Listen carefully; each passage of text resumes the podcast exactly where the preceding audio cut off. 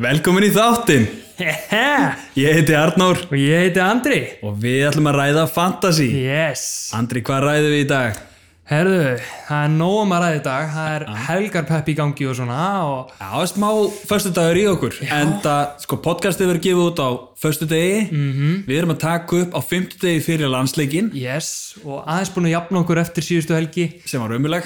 já, en það er fyrsta sem við förum yfir hversu illa okkur gekk í fjóruðu umferð Já, eða bara við síðustu umferð erum, já, við erum aðeins, það er spurning hvort að þessum að drekka, uh, drekja, drekja sorgum okkar eða hvort að við séum bara að peppa okkur inn í landsleikin já, já og helgina, náttúrulega landsleika það kemur náttúrulega bara í ljós uh, eftir landsleikin, hvort við séum að peppa landsleikin eða drekja sorgum okkar út á síðustu helgi Já, en, en svo förum við náttúrulega yfir uh, úslitt leikjana síðustu helgi og hvað við tökum úr þessum leikjum því okkur gekk ræðilega já, og svo var náttúrulega annar okkar að virkja vælkartið sitt fyrir næstu umferð Hmm, hver allir það sé? ja, annar okkar er nú þegar búin að nota það þannig að gískið nú hver það er og svo var náttúrulega transfer deadline day á mánudaginn Já, og við munum fara yfir eh, helstu skiptin á lokadeginum áður en að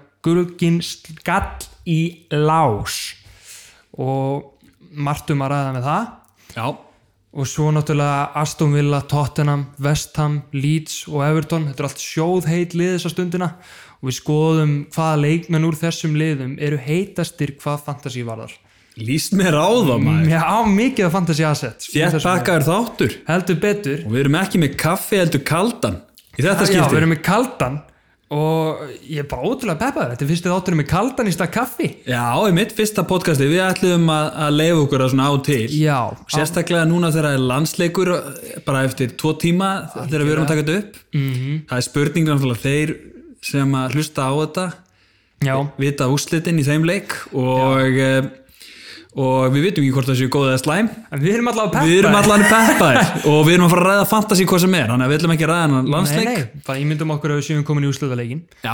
uh, en við erum allan á Twitter, Instagram og Facebook. Leitið að podcastinu og þið munir finna okkur. Yes Einnig hvetjum við ykkur til að subscribe okkur á Apple Podcasts og Spotify Heldur betur og reyta okkur. Reit okkur, heldur betur og fáum smá hérna í sem var Þetta heyrist kannski ekki nema Þetta er klín. skjálfhendasta he- hell sem ég hef heyrt. Ég er sem sagt að hella einum köldum í glasi Fann sopa á meðan.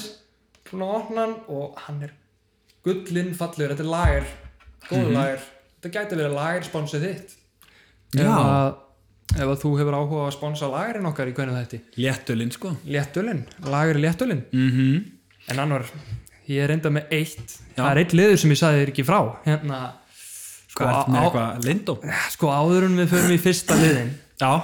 þá er ég með risa fréttir sem ég er ekki búin að segja þér frá ég er búin að breyta nafnum á liðinu mínu já að, það náttúrulega hét Hvernig? það hét Díkoríki Ó, þetta er í síðasta skipti, já og þetta er síðasta skipti sem ég þarf að heyra þetta. og veistu hvað núna ætlum ég að pípa þetta hérna í frá þannig að þetta verður alltaf pípa það heiti Takk.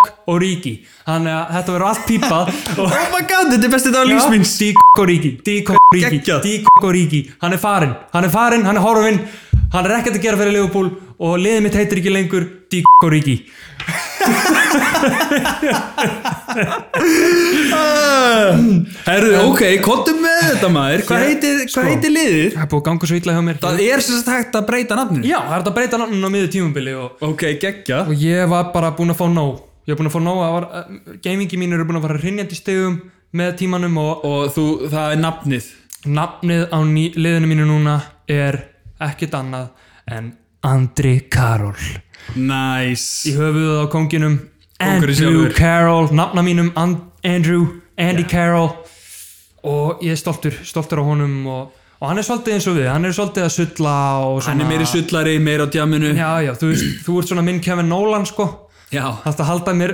rólegum hérna í kvöldum og já, já, já. nei, nei, þetta er ekki svo slæmt en En þetta er geggjað Vá, hvað er ránaður? Dík og Ríki farin djöfull er þetta, þetta er geggja Síðasta skipti. og, og hve- hvernig stendur Andri Karol sig í, í deildinni Andri, ertu með Herðu. stöðun á deildinni Herðu, stöðuna er í deildinni, ég er með þær Byrjum allavega, sk- nei, ok, ég er enda búin að fara Ég var að skoða þetta bara núna Stöðuna í deildinni, rétt fyrir þáttina, árum við byrjuðum ok, Og það er mjög fyndið Ég ætla að fyrir byrjaði að fara yfir okkur bara já Í deildinni erum við í, sko, Ég er jafn einhverjum öðrum í 49. sæti já, Og þú ert í 51. Við erum hlið við hlið herri, og ekki nóg með það mm. þú ert sko í raun og veru 49. til 50. sæti og ég með 51 stig Já, nei, nei, í 50, 50. 51. sæti Já. þannig að við erum jafnir já, pluss það mm Mhm. ég, mér heyrðist þú segja fyrir örstutu síðan Mhm. að þú værir búin að gera skipti fyrir næstu viku já, já, einmitt og við erum já. ekki að segja hver en, Nei, nei. en þú ert búin að gera tvö skipti er það ekki? Jú, jú Tvö transfer Nú Þetta þegar. tímabil er bara að Sér- gera mig brjála sem að þýðir hvað, það, hvað þýðir það, það Andri? Þetta þýðir mínus fjögusti mínus fjögur stig og hvað er mikill stigamunur á okkur hérna í deildinni? Æ, ég veit það ekki, þú veist Tíu eða eitthvað, það- það ekki Þannig að Er það ekki akkurat fjögur stig? Nei, ó Þannig Sem að við erum að þýðir- officially báðir með 200 stig í fantasy Já, Við erum nákvæmlega jafnir Samabræðurnir. sem þýðir að þetta podcast er ekki að hjálpa neitt Við erum jafnir í 50. sæti það er áttalega að fara að breyta það því að það er annar okkar sem, að, sem er með valkardi í gangi sko. Já, það er annar, og annar okkar með velkart og það verður gaman að fara út í það Já, en við skulum fara í það að heiðra þá sem er í topp 3 sætunum já, Tveir af þeim, við þekkjum þá, þeir hafa verið í topp 3 áður. ok En það er nýrgæði í fyrsta setinu. Medium Rare. Með Medium rare ný medium rare, rare. Já, ég er alltaf að fara í ennskunum. Rare, Medium, rare. medium Rare. uh -huh. Hann var með 73 stig í þessari viku og 270 stig tótal. Vel gert uh, Bjarni Reyr Guðmundsson með liðið Aha. medium rare. Og svo í öðru setinu er Max Sanix, Árni Magnússon með það lið sem við höfum talað um áður. Hann var með 68 stig í þessu gamingi og 268 stig tótal. Og svo í þriða sæti er Herr Steini mættur aftur Mættur aftur Steingrímur Arason með það lið 71 stig í þessu gamevíki og 265 stig tótal AK47 átti ekki gott gamevík sko, hann er með 50 stig hérna datt úr tóð 3 hérna Datt og tóð þremur en sá sem var í fyrsta seti já, hérna Striking Tigers, Jón Bræi Jakobsson já, hann er í átjánda sæti sem var í fyrsta sæti síðan já, herðu litla krassið fekk 30 stig, herðu, ég verð nú bara að íta á lið, hvað kom fyrir hann það er eitthvað þú veist, það var litla þróttin já, Saha hætti að geta eitthvað Mitrovic, Adama, Bamford Kapten, eins og við töluðum í síðast, Bamford Kapten, slakið á gerði hann þetta bara því ég talaði um þetta Já, brjálaður, Eh, já, sko. já. já, brjálaður í síðasta kast En, en sko við verðum að, að passa okkur sko því að við höfum eftir að fara yfir okkar umferir Já, og, ekki og svona fara slæm yfir nei. kaftinun okkar ha. Já, sko Sko- Það er byrjað að fara við mínum fyrir það já við ef við byrjum að þeir sem við höfum samíðlegt við, Já. hö- við gerðum lofór hérna í, í síðasta þetti Mhm, að við ætluðum að kafteina saman Mhm. Danny Ings Ég held við gerum þetta aldrei aftur Nei, sérstaklega þetta, Þetta var þetta, alveg þetta, eitthvað. klikkaði eins og, eins og svo margir To be fair, já, það voru margir sem glukkuð en þetta Já, já, myndi bróinu væskaftin líka Þannig ég, ó, það er svo pyrrandi af ekki valið sala Mhm.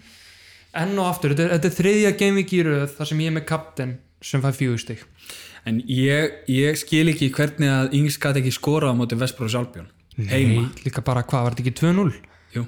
Þetta er bara Geneppo og Oriol Romeo sem var að skora í fyrsta skipti í 50 leikjum ah, 50 leikjum, Andri. ah, Fucking hann er ekki búin að skora í 1,5 tímabil Fucking Romeo, þetta er bara þetta er, Ah, Þetta- þetta er mjög perandi Já Markmaður frá, eh, markmaður til Strikers hvernig Já. leit, hérna, leitur stíðin út Herðu, og þurfum ekki að ræða Leopold nei, nei, ég hann Martínez var eins í- og ég var í góðu Já, skapi þegar við vorum að byrja þetta podcast en það er einfallega út af að ég var búin að gleyma gemíkjunu núna erum við aftur að fara í fyrir geðveit að- vandskap Þetta er að versta að sko, rifja upp aftur Þetta er svona að versta við podcast Sérstaklega þegar við erum að draga svona langin að, að maður þarf að rifja upp hversu illa maður gekk já, fyrir mörgum dugum og vill, þetta er Game Week to Forget já, auðvitað algjörlega, fyrir marga líka bara sko það það er bara, þú veist, já, Martínez var í markinu með, hjá, hjá Aston Villa og hann að fekk save points hann að þrjú stegu hann og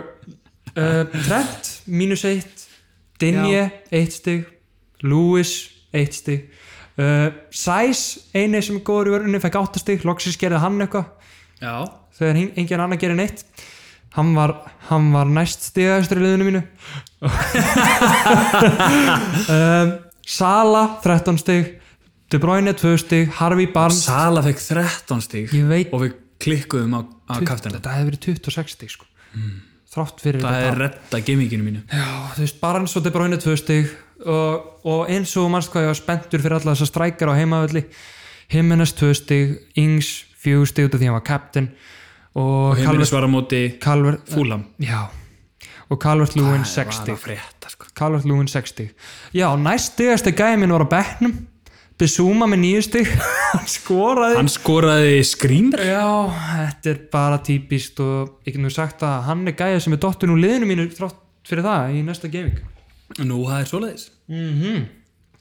Þannig að þetta er gaming to forget algjörlega en árun við gleymum við þurfum við síðan að fara yfir þetta allt saman aftur já, þú varst Og- með og- 41 stík var, var, varst ekki með 41 stík, varst ekki að segja það 41 stíð tótal en ég er náttúrulega sko það sem er mest pyrrandi er náttúrulega fyrir þetta gamevík maður segir þetta alltaf núna það er alltaf eitthvað ég seldi Son og Wilson fyrir þessa umferð því ég held, að, ég held að Son væri ekki að spila það stóð líka á fantasy að hann væri 25% líkur á að myndi spila Mourinho fooled us all já hann ég setti Harvey Barnes inn fyrir Son Son var með 18 stíg Harvey Barnes 2 stíg svo setti ég Danny Ings inn fyrir Wilson Wilson með 16 stíg Ings með 2 stíg hversu sárt Þannig að í- Son og Wilson með 18 og 16 stig og meðan Barnes og Ings skoruðu samtals 4 stig. ok, Þetta er það mest svekkjandi við, þetta- við þetta gamevík og ég er honum svo pyrraðar á þessu transastæmi. sko, núna við, hérna, við verðum bara að hlæja þessu við verðum bara að hlæja þessu að við ætlum að halda okkur í góðu skapi hérna Orðið fyrir svo landi. mikið bull sko, þetta er bara, þetta er bara skelvilegt. Að Alltaf þeir transferir ykkur um út, þá gerir hann eitthvað Já. og þeir transferir ykkur um inn, þá gerir hann ekki neitt og núna ákvaði að halda Barnes núna, ég ætla að geima hann smá. En Ings, það kemur í ljós hvað gerist við, kom fyrir hann. Það kom, kom eitthvað slæmt fyrir hann. nei, í alvöru Já, það kom eitthvað slæmt fyrir hann Já, oh. ég ætla bara að fá mig sopa já, ok, fáðu sopa og ég ætla að fara yfir mín 30 stík 39 stík, segja Ok, það Ekki 39 alveg stig. stræk- ekki Nei. alveg Striking Tigers hérna. rekordina Nei, ok, 39 stig 60 stig síðast þú varst með 43 stig senast þess vegna eru við Já Mm. eh, tvö slæm gamevíks hjá þér Já, í röð Tvö í uh, ég átti gott gamevík síðast slæmt núna mm Mhm. -hmm. næst stigastur hjá mér Mhm. var sá sem var í marki McCarthy, já, hann var með nýju stig og, og, og þú veist þá pælti því að McCarthy fekk á sig fimm mörg Mm. á móti á móti tóttinam manstu, já, já, 5-2 já, Þeir eru bú- tvö, með tvö clean sheet núna já. síðustu tveim leikim. já, já hann, er, hann er að steppa up his game sko. Já, já, hann, McCarthy og Walker Peters var með fimm stig, clean sheet já, já, solid og svo Telly Taylor hjá Burnley, eitt stig og Robertson og Trent mínus eitt stig báðir. Double up eða ekki að virka þarna Nei, uh, sárt að horfa á þetta Mjög. og um, Sala með 13 stig, sárt að sjá það upp út af því að ég kaftina hann ekki, hann var væskaftin hjá mér, De Bruyne 2 stig, Susek hjá Vestham með 3 stig og hann heldur áfram í hverjum einasta leik Já. á hann sko dauðafæri, hann á svona 3-4 skalla, góða skalla sem að fara rétt yfir Hann er alltaf hættulegur sko Já, eða hafi varið. Hann er stór hættulegur en hefur ekki ennþá fengið fantasístig svona almennilega. Nei, Já, jú, af eitt assist en that's it. Þetta er orðið svolítið pyrrandi með svona leikmenn hvað er hann að sem er alltaf hættulegur Já. en er ekki að skila stigum Já, það er Barnes mjög... gæti mögulega orðið þannig dæmi líka sko. hann er alltaf hættulegur og statsin segja það en hann Og, og lí- m- the eye test maður. The eye, Eye test. Harry Barnes er samt búinn að hann er skora. búinn að- ein, eitt gaming samt að þessum fjórum Ok. hey. 7 miljónir, þú veist Mm, en þetta var náttúrulega bara ótrúlega skrítið gaming sko. já, ég er með, þú veist, ég er með listað hérna Jimenez, Werner, Ings Adams, Vardy, Ába, Kevin De Bruyne og Ray Carlison fengur samtals 15 stig allir. Wilson 1 fekk 16 stig. sem að þú transferar út Já, og Son fekk líka 18 stig. ah. Þetta er bara bull. Það eru margir sárir eftir, þetta- eftir þetta gamevík uh, og við þurfum þetta landsleika lið til að jafna okkur og aðeins að, að hugsa en ég var með hérna Rashford líka tvö stig Mm á mótum Tottenham Já, já, já. uh, Danny Ings og fyrirlið ger ekki raskat tvö, tvö stig, sam- samtals fjögur stig Hefði kannski átt að kaptena með Carthy bara. Já, ángrið Mitrovic tvö stig uh, á bekknum var Potens með þrjú stig Já, og Potens. rest með 0 þetta var, Þetta er ótrúlega bara, maður, þetta er svo skrítið sísón, sko. það var ömulu umferð Þetta er sko- líka Og- bara, það er alveg ótrúlega að hlusta á líka önnur podcast eins og hann að fantasy fútbolskátt. Þegar professionalinu þeirra eru að fá 30 stig í Game Week, bara, Já. þeir eru allir bara svo ringlaðir, sko. munurinn samt, ok mm. fyrir við munin á fantasyspilurum Mm -hmm. og þeir sem er svona detta inn og detta síðan út sko hinn, hinn, bara almúðanum Já. fantasyspilurum Já, og almúðanum já, þegar, við fá, þegar fantasyspilurar fá svona gamevík já, þá halda þær áfram já. þeir halda áfram að reyna Þetta er langklöp. þeir gefast ekki upp, þetta er langklaup Já. eh, almúðurinn, hann hættir gefst Já. upp eh, og fer úr fantasy Já. en, eh, en ekki við Andri Quitters never win. Winners, winners don't quit. Quitters never win. Ég ætti að setja svona einspá tónlist undir þetta. já, þú verður að gera það núna Þetta var rosalegt. sko. Þetta var svakalegt Já, ég, ég, er bara- ég samálaði sko. Þetta er... Nei, þú veist, ég meina almúrin um leiða þeir sem er að byrja vel og eiga síðan slæmt gamevík og hann að hætta svo bara út af því Þá þeir eiga eitt segja bara að þetta er búið núna þetta er búið, þetta er búið, þetta er gott Ég hafa með gott raun, þrjú góð gaming Já, og hætta og, og það mun ekki koma fyrir okkur sko. við munum ennþá vera hérna vík eftir vík og að grenja Já. og jafnvel fagna líka Við erum, hvað, hvað höfum við annað að gera í COVID? og ég er nákvæmlega, það er COVID í rugglun núna lockdown í Reykjavík og, Já, og allt að fara hækkandi hérna á Suðunesi þar sem við erum já, og já, það- og mann er komið með COVID já það vissum við ekki Það eru margir búin að fá COVID síðan frá síðasta þætti já, Shakiri, Já, Maður er og, fullt í og, Liverpool. og, Tierney já, Tierney í Arsenal hann mun líklega að missa af hann að sitt í leiknum Já, næstu umferð eða fekk Tierney Já, hann fekk COVID, já Mm. Og Armstrong, já, þetta nú undir alls konar leikmenn að fá COVID já, Það uh, er ekki góða frétti fyrir deildina sko Nei En hérna, umferðin Hérna, förum yfir þessi úrslit Já Fullt af óvæntum það úrslitum. er Alveg sko ég, Já, það er Og- náttúrulega bara fyrsti leikur þá var Chelsea í Crystal Palace Chelsea Crystal Palace Þú spáður þessu 2-1 minni mig fyrir Palace já, og ég ekki spáði alveg þessu rétt 2-1 fyrir Chelsea En fór 4-0 já, 4-0 Chelsea og Chilwell Running Riot bara rosalur aha, lítur mjög vel út Fyrsti leikur hann í Premier League með Chelsea á, við horfum á hann leik saman við horfum á alla lögðarsleikinu saman Já. fyrir utan Newcastle Burnley Þá voru við að skella í bet já, það var það gekk ekki vel það var ákveðin leikur sem eðalaði það Mhm. -hmm. en já, það var hann Silvel var svona maðurleiksins í, í Chelsea Crystal Palace 100% eh, þrjú bónusteg og hann Werner ger ekki neitt eins og Nei. vanlega þrátt fyrir að Chelsea skoraði fjúr já, og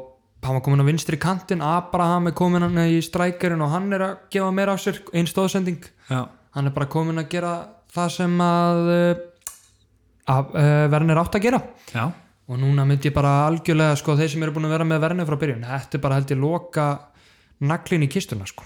já ég held það bara losa sig við hann og hætti þessu örgli aðan djúks en góð fantasy asset Já. það eru Evertón leikmenn þeir unnu Brighton Já, sem heldur eru líka með fantasy assets mm -hmm. unnið á 4-2 Brighton maður, já Mopay, James Rodríguez með tvö ég var ógeðslega pyrraðar að sjá hann með tvö já, það var mjög þú slæmt ert með Carlet Lúin ég er með Calvert Lúin og ég hef ekki verið með hann hinga til hann er The DCL Disco já, ég elska það neiknum DCL Disco hann er rosalegur allir að joina the, get your tickets for the DCL Disco og þetta voru tvö lið, Everton og Brighton tvö lið sem að eh, eru búin að vera góð já, eru búin að vera góð og Everton voru miklu betri í þessum leik þeir eru bara ótrúlega sterkir þeir eru bara ótrúlega sterkir og Gylfi maður var sá- rosalegur Gilvið Á, Róslegur flottur, laðu upp markana á- það ætti ekki að koma okkur á óvart sem að Nei, þekkja hann Nákvæmlega og já, laði upp tvö eða ekki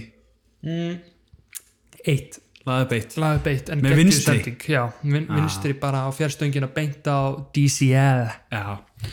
Dinje var, var hann ekki frekar ósynlegur í þessum leik Jú, engin stóðsending á hann Ég er svona búin að vera að dala við að hann hann er tæpur Ég tók hann ekki út fyrir næsta gameweek en hann var mögulega dætt út fyrir næsta gameweek mm en það er alveg líklegt að eftir næstu umferð að ég muni íhuga að nota þetta eina transfer í hann út sko ef hann stendur sig ekki í næsta leik og færa sem er yfir í kastanje eða Liverpool eitthvað í rauninni, þú veist, já Kastanje eða, eða Chilwell. jafnvel Chilwell, já Já.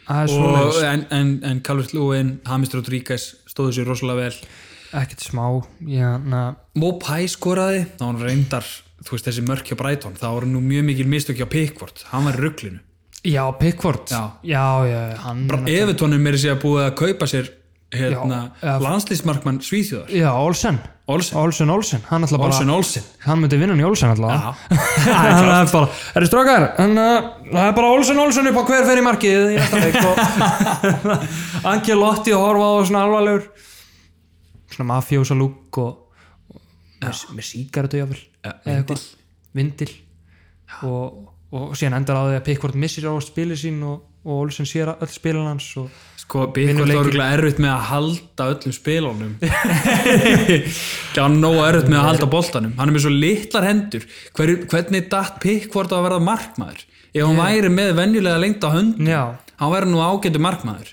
og en, bara hávaksnari, þú veist, bara herri hávaksnari, herri Herri, ég minn einu hvað hann var skelvelið Pickford Já, þú veist, erum við að fara strax yfir assetin úr þessum liðum eða ætlum við að býða með það angur til á eftir? Eftir, uh, förum í Leeds Ég er búin uh, að skrifa þetta City allt hjá mér.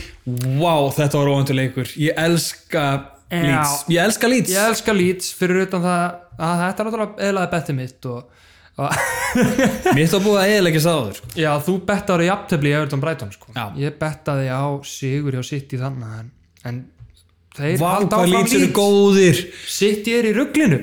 Og Pep Guardiola var sveittur að skipta ger, skiptingarnar hans voru alla til þess að stöðva hérna Uh, Leeds og manstu hérna Poveta hjá Já. Leeds kom inn á 2000 mótel Já, stútaði Mendy Já, en Mendy, djöðlega er hann lélegur maður Hann er ömulur. hann er ömulur Hann á bara að halda sig við Twitter og sjá hann bara City í Twitter hann á bara að fara í Love Island eða eitthvað. ég er minn, ég skilur þig I'm a professional football player. já, Já, I mean, Hann er svona þannig gæi. gæði fútbolblíða na, na, já. hann er náttúrulega franskur allt í hann að breyti þú ert með breska reyfin síðast og núna ertu alveg að sleiða franska wow merci Leeds 1 City 1 Goal scored Rodrigo 1 Sterling 1 Assists by Ferran Torres Fer, Ferran Torres Fer, Ok, hann heldur maður uh, Já, hann heiti Ferran Torres Ég var að fatta að það er svolítið líkt Fernando Torres Jæja Hann ah, sætla minninga en, en bara að skoða statsin úr þessum leik, Leeds City sem að markmennina saves ein markværsla á mestliðir sex markværslur á Edison að lýsi leiknum lýsi leiknum og Lí, bara sitt í úr hefnir Rodrigo þrjú bónusti, Sterling 2 og Cooper 1 já. og já, og þarna hugsuðu liðupumenn ha, hvað sitt í bara að gera jafntefli við Já, Leeds hvað? Ha, við unnum meiru. þá sko núna getum við bara stungið af hérna með titilin já, en það er mögulega annað sterkara liði deildinni sem er líka statt í Liverpool það er sko, kannski verið titilin bara á milli Everton og Liverpool Já, Eða kannski Aston ekki Villa. Liverpool. Verður ekki Evertón bara englasmestari með að við hvernig þeir byrja og Jú, og Aston Villa já, Aston Jó, Villa Aston Villa og Evertón verða þannig í Já, tóttum ná Champions League og, Og og, Leeds. og þriðasætti verður bara í barátum milli City og Liverpool og, eða Tottenham og Liverpool Leeds er hann líka sko Já, Leeds, já, Leeds mun berast fyrir þessu og já, við verðum bara að setja okkur við Európa-sættið og Það er- já, Európa-dældinni næsta ári Já. hmm. Newcastle Burnley Já, ég var ekki ánægð með það Nei, Wilson minn maður með tvö mörg og tva, eitt assist já Saint Maximin var með mark og assist fyrsta skipti í Hversu Oh, Bara- böggandi ég var að sjá Alan St. Maximin það hérna, er svo margi sem er ekki búin að transfera hann út já og ég var náttúrulega með hann Mhm. -hmm. og í fyrstu leikjunum já, þá tók hann ekki þátt í sóknarlinu hann Mhm. var bara fyrir aftan miðjun ánest svo núna kemur hann tilbaka Mhm. og hann var bara allt í öllu þetta er svo mikið bull sko bara ég, hann, algjörlega breytt taktík algjörlega, þú var ekki Steve Bruce ég reyndar hann að mun eftir því núna, na, manstu eftir fyrsta gamevíki þegar Jeff Hendrick skoraði og laði upp -hmm. Mhm. það voru ég sá að hann var eitt af mest transfert inn Mhm. -hmm. það voru mistök maður ég var bara að pæla í því núna já, já, já, já. hann hefur ekki gert neitt, neitt síðan Nei, nei, hann, þetta var líka, bara one off leikur Já. skora bara tvö og tíma byrja að leggur upp eitt já, hann verður klálega slakur bara í næsta leik og já komin á Twitter og svona og, og FIFA náttúrulega komin út St. Maximin fekk inn form í FIFA sko Já, einmitt. Það var bara að ég komið informið, já, ég þarf ekki að pæla í þessu lengur. mér finnst reynda svekkjandi sko Þú veist, Wilson var með 62 í bonus point systeminu sko og St. Maximin 42 hann að þú veist, svolítið ósengjart gangvart Callum Wilson Mhm. en það er bara FIFA Já. Lester Vestam. Hörru, það er sunnudagur 3-0 Vestam. taland um að þetta tímabil verður ennþá skrýknara Já, þá tapar Lester 3-0 á móti Vestam sem að í fyrsta leik tímanbilsins voru Whipping Boys. Mhm. Allir bara, já, við verum bara kaftin alla á móti Vestam. Mhm. En Zoom-fundinir hjá COVID-smittuðum David Moyes er að virka. Já, Þeir eru vel að bara halda honum í einangrun Já, þau eru að halda Skilja hann með- eftir hann bara að eilu Já, já. Bara Zoom-fundir. er, það er ekki ekki Já. um, Þeir eru að virka þessi Zoom-fundir. já, það, er bara svo, Vinna heiman. það er svo skrítið að geta unnið Manchester City 5-2 í síðustu viku og tapa svo 3-0 á móti vestam Mjög skrítið. maður þarf bara sko Hvað segir þetta manni? Ég veit það ekki. það er bara, það, ég held að það sem allir í fantasy eru að hugsa við viljum bara stöðuleika í Já. þetta. við viljum vita hvaða lið eru actually lélegi lið Já. því að hvaða lið getur einhvern veginn unni hvaða lið sem er hérna og jafnvel mun meira en 3-0 Ok, en, eh, sko, ég held að kannski það sem þetta segir manni Mhm. er að eh, Vestam getur eitthvað, Já. Lester getur eitthvað uh, hérna á okkurnu leikjum. Já, Sálandón getur eitthvað og vers... Stundum. Ekki, og, og þú veist, það sem maður veit er að Vesprom getur ekki neitt, Fúlam getur ekki neitt Þarna eru komið- Sheffield Sheff- getur lítið sko Sheffield, eh, Sheffield eru sko þó við fengum tvö á sig á móti Arsenal þá eru þið samt ágættir varnarlega þeir gætu retta sér í framtíðinni sko Já. það gæti fara að koma hjá þeim sérstaklega þegar okkar maður er loksins komin okkar Ég held að liðið sem að fara vestast, vestastað er svona Vestbrom verst, Fulham næst verst, eh, Sheffield og Burnley. já, þetta eru lið sem gætu orð- verið í fallbártuna þessu orði sko Þau er allavega svona að byrja svona hvað vest -hmm. með að við s- fyrstu fjögur. algjörlega og, Og hver, hver allir sé í heitasta sætinu núna að vera rekin um, ég hugsa Scott Parker Scott Parker eða Billage eða Bilic. já, Chris Wilder er náttúrulega aldrei að fara að fara. Chris Wilder er minn maður og Sean Dice aldrei. við viljum ekki missa röddina hans úr deildinni Nei. En ég meina, ef Sean Dice fer og Pep Pep Guardiola heldur áfram að gera illa þá vil ég Sean Dice í City Það var svakalegt. væri geggja Það væri geggjað. hann að drullu við Sterling hérna ef hann er ekki að standa sig Já. Oh, he's starting. Oh. Don't talk to me like that. I'm such a guy with that. Þú ert nefnilega lúmsk eftir hérna. já, þetta er endur eins djúft og ógeðslega að ég get farið sko. ég veit ekki hvernig þessi gæði getur lifað með sér hann hlýtur að reykja það eitthvað sko. þetta er alveg rosa djúp rödd og mjög rám rödd Já, viski og já, vindlar. Ah. vis- þetta er viski og vindlar bara elegant Sándon, Vestbrófis Albjón. já, 2-0 Sándon. 2-0 Southampton og Genebo Já. og Oriol Romeo.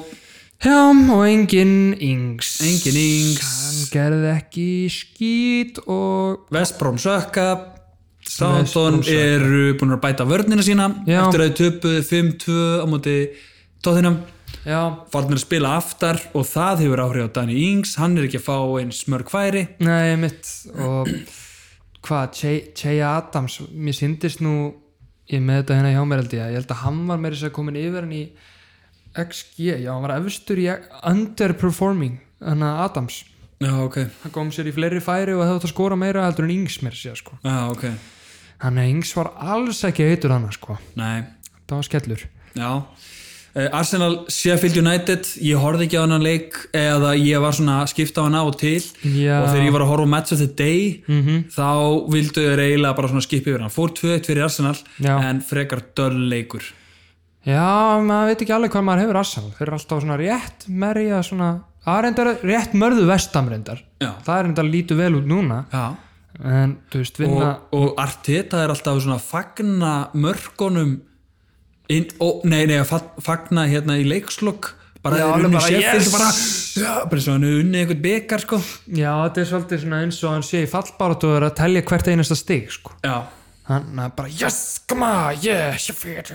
Fekk mark á sig, þú veist, McGoldrick skoraði á mótið þeim. já, Bara fyrsta Af markið hans síðan, ég veit ekki hvenar, sko. Hvað, sex mörki fyrir eða eitthvað? já. En, en núna verður náttúrulega áhugavert líka bara að sjá öll liðin eftir Transfer Deadline Day Algjörlega. bæði þessi lið keftu menn sem að gætu eh, Já, pushjað Algjörlega. ha, Þeir, við Bæði förum- Arsenal- förum- förum út í það og eftir kannski já, bæði Arsenal og, og Sheffield keftu keftu menn áhugaverða leikmenn já, getur klálega bætt á Já uh, Wolves Fulham hvaða bull var þetta? 1-0 Wolves Neto Já, og Den Donkera sýst já, hvað er að frétta? já hvað er fyrir Þú Veist, ok, sæs bónusteg annars ánæður loksins að það fengur clean sheet en hvað er að frétta með sónuna? Jimenez er ekki að gera neitt Hann er, á, s- hann er líka einn af þessum gæði sem er á sísta sem sem er sko Já, ég held ég myndi freka að reyna að taka hann út heldur en dinja eftir lífbúleikin auðvitað myndum að vilja hafa Jimenez á móti Fulham og, og Leeds næst Já, ég menn hann á gott prógram en hann, hann verður að fara að gera sig í brók og halda áfram að standa sig að vel og hann gera mútið sitt í sko Já, skalla inn og ég er með hann í FIFA og hann er drullu góður í FIFA Já, hann er góður í FIFA. 84 óral Svakalegur. hann, er- hann er búin að skora sko fyrir við erum báðið konum í FIFA já, við- og við erum á fulli eða þú veist, ég er á fulli í þessu ég, var- Ég líka, náttúrulega- ég var í gær. að líka eina ástæðanum okkur við erum að taka upp núna er út af því að ég var veikur á- eftir vinnu á þriðudag og miðugudag og miðugudagurinn fór bara í svolítið bara FIFA og podcast sko Já, og hann að, já, ég er með rosalega, ég er með Rodrigo hjá Leeds frammi og, og Rál Jimenez, Rál Jimenez sem er átta mörk í sex leikjum hjá mér ég, ég vil meina það, hann er að gera betur í mínu kerfi heldur en hjá hjá hann að fúls í alf þannig að þú ættir að vera stjóri Wolves þú ég ættir að segja meina það fjóri fyrir tveir og hann er svolítið balanced sko Aha. og síðan er getting behind á Rodrigo því hann er hraði í honum sko Já, já, já, já, ég og skil. hann er að ná þessum innísendingaboltum og stangasvein og hann verður að halda því áfram í já, já, já, já. Nei, ég ætla ekki að fara Það er gaman að FIFA, sko já. Komst upp í Division 4 og, og var í Rank 1 og svona fyrir, For you fu- fi- FIFA Ultimate Team fans Skemmtilegt Ég heiti skemmtilegt. Andri Karol þar líka Þannig að ef þið mætir gæðir sem heitir Andri Karol þá er það ég Allavega lítur gameplay í FIFA mun betur út Já, mun skemmtilegra, Já. þessum mér en nóg um FIFA Mhm.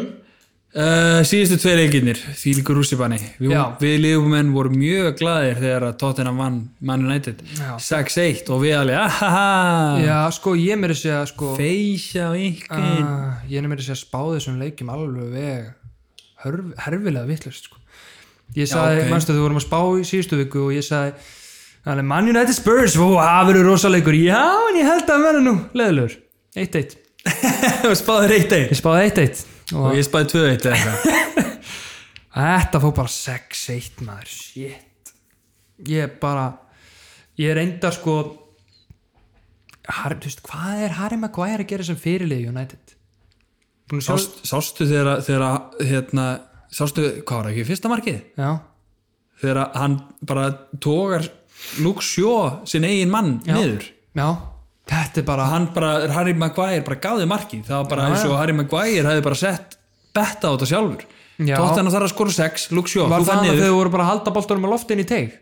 já, Já, þau allir voru bara eitthvað að póta boltanum upp í loftið og allt í nú bara, já, já, ok, já, ég skal og póta síðan er bara er, er Harry Maguire með, með hendurnar á öxlunum á Luke Shaw Já, og þú veist, ertu, ertu búin að sjá klippuna af hann að Harry Maguire að tala við dómaran og Rashford Nei. með rauðarspjaldi nei, og þú veist, ok, þetta rauðarspjald þú ert búin að sjá það já þú veist, ok, ma- hann- Mér fannst það, mér fannst það algjört bull Mér fannst Mér það fannst það algjört algjört bull Ég var, ég var án gríns bara Þú veist, þetta er í byrjum leiksins þeir eru báðir eitthvað að hinn var settur líka orðbóð já, Lamela byrjaði þetta Lamela Þá var setti Martial hérna olnbogann tilbaka. og, og, þeir eru og með það var bara eitthvað svona Já. rétt snertan þú veist, þeir eru með VAR til þess að skoða, ok, hver byrjaði þetta, ok Já. bara, þeir hefðu geta bara sagt, ok, strákar hætti þessu bara gullt á báða eða rautt á báða Já. en þú veist, þeir, það meittist engin svakalega Já, í hann fór í olb, sko, þetta er líka svo mikil viðbröð af því að hinn, Lamela fer með olbóan og þá fer hann með hendina út og Já. það má ekki snerta andlitið það bara vill svo ég, þetta var bara svo óefnilegt að þetta fór í andlitið ef hann Já. hefði sko, að því þetta var svo laust þetta var svo laust, ég bara ég skil hann er meira að ekki. segja- hann er meira að segja í hönskum hann, hefði ekki, hann var í hönskum Já, meira að segja. og ég- hann, hann gat ekki, þú veist, farið í þú veist, á, klóraði hann eða neitt Nei. og ég skil ekki okkur dóman skoðar þetta ekki sjálfur í VR áður en að gefa rautspjald og gullt á lamela Já. og vídjóð af hann, það er komið kapsjón á vídjó þar sem Harry Maguire og Rashford er að tala við dómaran og Rashford er brjálagur út í dómaran að að lamela fekk ekkit á þetta og Harry Maguire er að verja lamela so, they already checked it VAR Rash, they already checked it og Rashford, he- Rashford öskrar á hann eitthvað já, Rashford öskrar á Maguire he's playing for United þú veist, Rash, hann er að segja hann spila fyrir okkur, okkur er þetta ekki að verja skilur við, sko, það það er engin með virðingu fyrir Maguire, held ég, í United bara ég held líka að þú veist það eru svo margir aðrir betri lítirar í þessu liði og, og hérna Harry Maguire verðist líka bara að vera með greinda vísa til á hundasúri já, ég, hann er bara ég bara skil ekki hvernig þau borgar svona mikið pening fyrir hann mann sko nei, hann er bara, ég, bara skellið bandinu bara á Rashford, hann verist bara já hann er líka bara hann, er- hann er líka hérna hann, hann er að bj- hjálpa krökkum, Já, já, einmitt. mat og allt þetta hann, er er bara, gott orðspor á sér og bara, lítir og jafnvel Bruno Fernandes skilur við, þú veist að því að Bruno Fernandes er, já, er svo bara svona breyti allkallinn og þú veist, það eru bara margir aðri kostir sko, Hlægilegt. Cavani jafnvel, nei, já, en við Nei. já, Cavani, beint á Cavani beint á Cavani Sko, en þetta núna- var náttúrulega núna langar mig að, að drífa hérna síðustu tvo af já, að því að við erum að fara Eh, já. í, í Astovilla þetta Liverpool var hann að Liverpool skoruðu tvö mörg, ok, næst Þannig að, nei, já, við vorum ekki búin að klára, það var náttúrulega Kane 2, Son 2 sem ég tók út, Orier, Orier er reyndar áhört við hennan, leik, hann tók sætið á Doherty og var með mark og stóðsendingu. já, Og, en nú, og núna er meistaradildin að byrja og maður veit ekki hvernig róteringin verður á þeim. sem að þýðir maður á að geta koma nála til, Nei, maður veit ekki þetta er bara- hvað, hvað hún maður Já. reynir og gerir Það er það sem er svona shaky við þetta, sko. já. En já, já, hann, uh, já, Astovilla skoraði sjö mörg á Liverpool og Liverpool skoraði tvö uh, Adrian var herfilegur uh, Watkins, Van sko, Dijk var herfilegur Grílis lék sér á honum Ehm, um, Gómez var lélugur, Barkley var góður Barkley var með þrjár stóðsendingar og tvö mörk, Wall Ollie Watkins var með þrennu í fyrri hálfleik.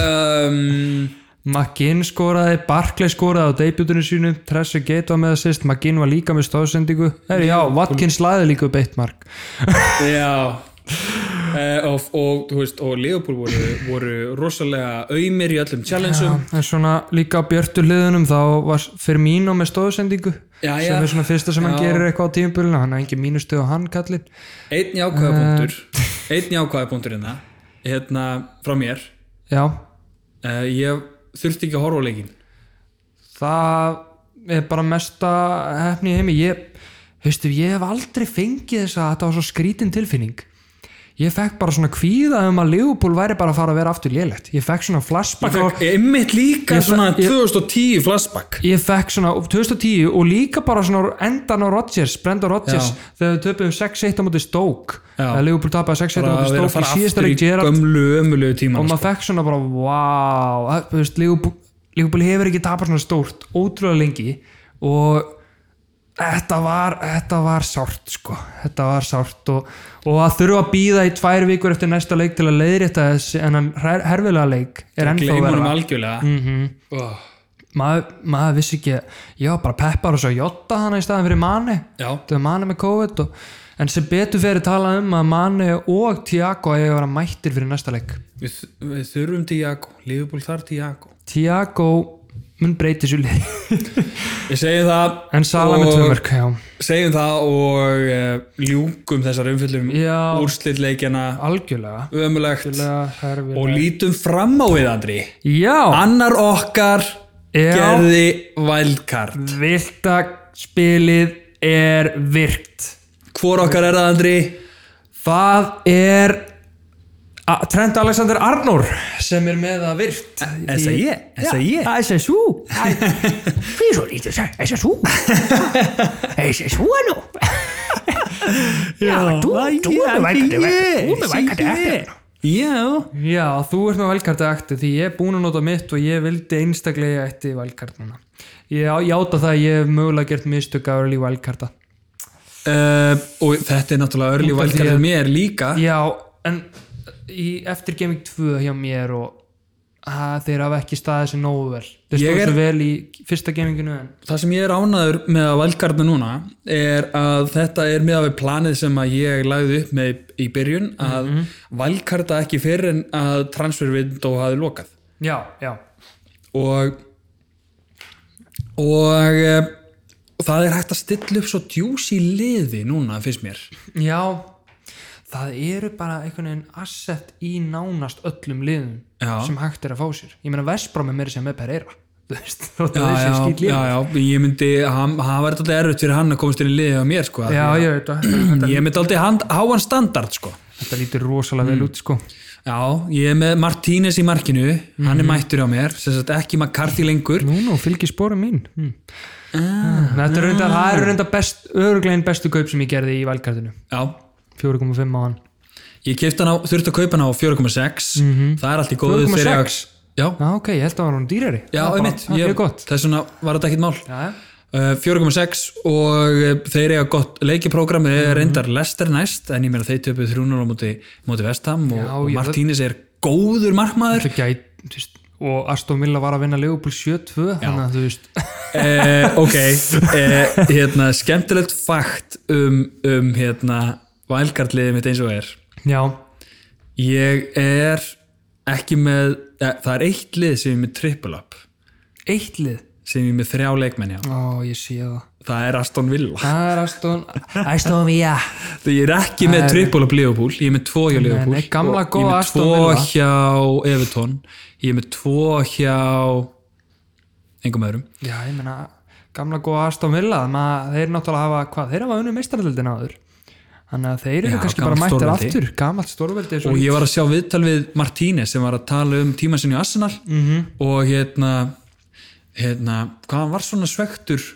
upp á það hérna, hann náttúrulega náði sætun á Bernd Leno Stóðu sér bara vel allt. stóð sér vel alltaf, gerði engin mistök og hversu svekkjandi er þá að bara svona við keiftum samt Bernd Leno til að vera nummer eitt, þannig að þú mátt eiginlega ekki vera Já, nummer eitt bara út af því að hann er svona starra ná já, Ég held að það sé sko. mánulíst já, Þú veist, og Emilien, En aftur á Emilien og móti- Martínez er búin að er búin að vinna í þessu svo lengi, hann er meira að segja aðeins yngri en Bernd Leno, Þú býð þegar þá er Leno búinn að vera rosalegur sko Já, já. líka, hann var rosalegur á móti Leopold í deildabygganum heldur Rúnar Lag- Eina ástæðan- Rúnar Alex á bæknum Já, Rúnar Alex, hann er næsta competition sko Já. Ég meina, s- sástu, sástu, þú sást deildabyggasleikin eða ekki Leopold Arsenal, jú, jú, hann var að verja á fullu Mér, finnst- Rosalegur. hann er eina ástæðan okkur að Leopold fór ekki áfram en þetta er Mickey Mouse Cup, við þurfum hann ekki hann uh, að, en Martínez er, er komin í Astovilla og hann er geggjaða markmaður, þeir líta vel út hann er eitt svo besti vörnin hjá mér mm. það er ég ennþá með Robertson að sjálfsögðu sem ég búin að vera að taka hotnin og Já, hann lítur vel út lítið mjög vel út Logical choice, frammiðu trend núna ég er með mjög djúsi rest af vardamönnum Mér finnst bara allt liðið mjög juicy sko Já. Ég er að horfa á þetta hérna, þetta er rosalegt sko þetta er rosalegt Ég get litið á alla, þetta er allt menn sem getur byrjað sko. já, Meiri sér bekkurinn. meiri sér bekkurinn ég er eh, með eh, Chilwell Ben Chilwell sem var geggjaður á móti Krista Palace Ah, Ben Fyrsta leikur Chilwell. sinn. ég er með Kastanje hjá Lester Þetta lítur svo vel út sko. hann er svo djúsi Kastanje, Chilwell og Robertson. já, Það er svakalett. með Lamptey á bekknum Það er rosalegt. Og síðan Nathan Ferguson sem dettur inn fyrir Mitchell þegar hann er heill. já, Hann er sem er Crystal Palace vörðin sem er sterk líka. já, Hann er þetta eru allt gæjar sem getur skorað að lagt upp. já, Nefna kannski Ferguson, við höfum eftir að sjá hann spila en hann mun dett inn. já. Mhm. Hann getur fengið clean sheet, gott fyrir fjörumilinu varnamann. klálega þannig að þetta er rosaleg vörn sko. Þetta er rosalega vörn og ég glemt að segja hver varamarkmaður minn er. Það er Fabri á Fúlam Mhm. og ástæðan af hverju ég vel hann er að eh, það má náttúrulega bara vera með þrjá leikmenn úr hverju liði -hmm. Mhm. og ég eh, vil ekki eyða til dæmis ef ég verið með varamarkmann Aston Villa, þá get ég ekki eins og þá ég. get ég bara, já þá, þá, get, þá get ég bara verið með einn útileikmann hjá Aston Villa. Já, ég vil já. ekki eyða kvótanum mínum það meika senn sko, akkur og núna í, í fúlam þá eru bara Mitrovic sem er eitthvað, sem að getur eitthvað já, en, að, en, en Fabri í 4.0 er svo ég sé ekki að eyða einhverjum liðakvóta einhvers staðar annar staðar algjörlega uh, miðjan hjá mér, þar Mhm. er ennþá með Sala, De Bruyne uh, Sonni mættur Ná, já, hann lítur vel út og ég er með James Rodríguez oh, og ég er með Ross Barkley þetta er nefnilega svakaleg miðja sko. þetta er svakalega miðjan þetta er bara, þú veist ódýrasti miðjumannin er Barkley og hann, hann var drullu góður að spila fyrir aftan hann að Watkins og Ollie Watkins og bara, já, hann var bara second striker Second Ross striker. Barkley, Hann stóð þegar hann ekki- fekk að spila á Chelsea var góður hann er alltaf búin að vera góður þegar hann fara að spila sko. já. en Já, gati oftast- ekki verið á Chelsea út af öllum miðjumörnum sem voru að kaupa nákvæmlega og full, hann er greinlega Aston Villa er svakalið bara með honum hann er svona eins og síðasta púsli í þetta spil hjá hann já, virðist vera Já. eftir hennar leik þú veist, síðan veit maður ekki hvort að þeir síðan grútapp í næstu umferð út af því þetta er bara skrýtum tífumbil en við höfum líka séð líka í fortíðinni Mhm. þegar að Leopold var svona góðu stundum, svona af og á eitthvað, Mhm. eða, eða bara þegar að Leopoldið hefur ekki staðið sig hjá, undir, undir klopp já, þá höfum við oft verið að gera mistök við gerum náttúrulega fullt af mistökum í þessum leik og þá eru deflections og eitthvað svona en Já. Aston Villa e, eru alveg sigurverðanir úr þeim leik út af því að Þeir þeir hefðu- voru rosalega þeir góð hefðu getað skora meira sko. Já, þeir þeir skutu í voru- slá Já. meira að segja, sko.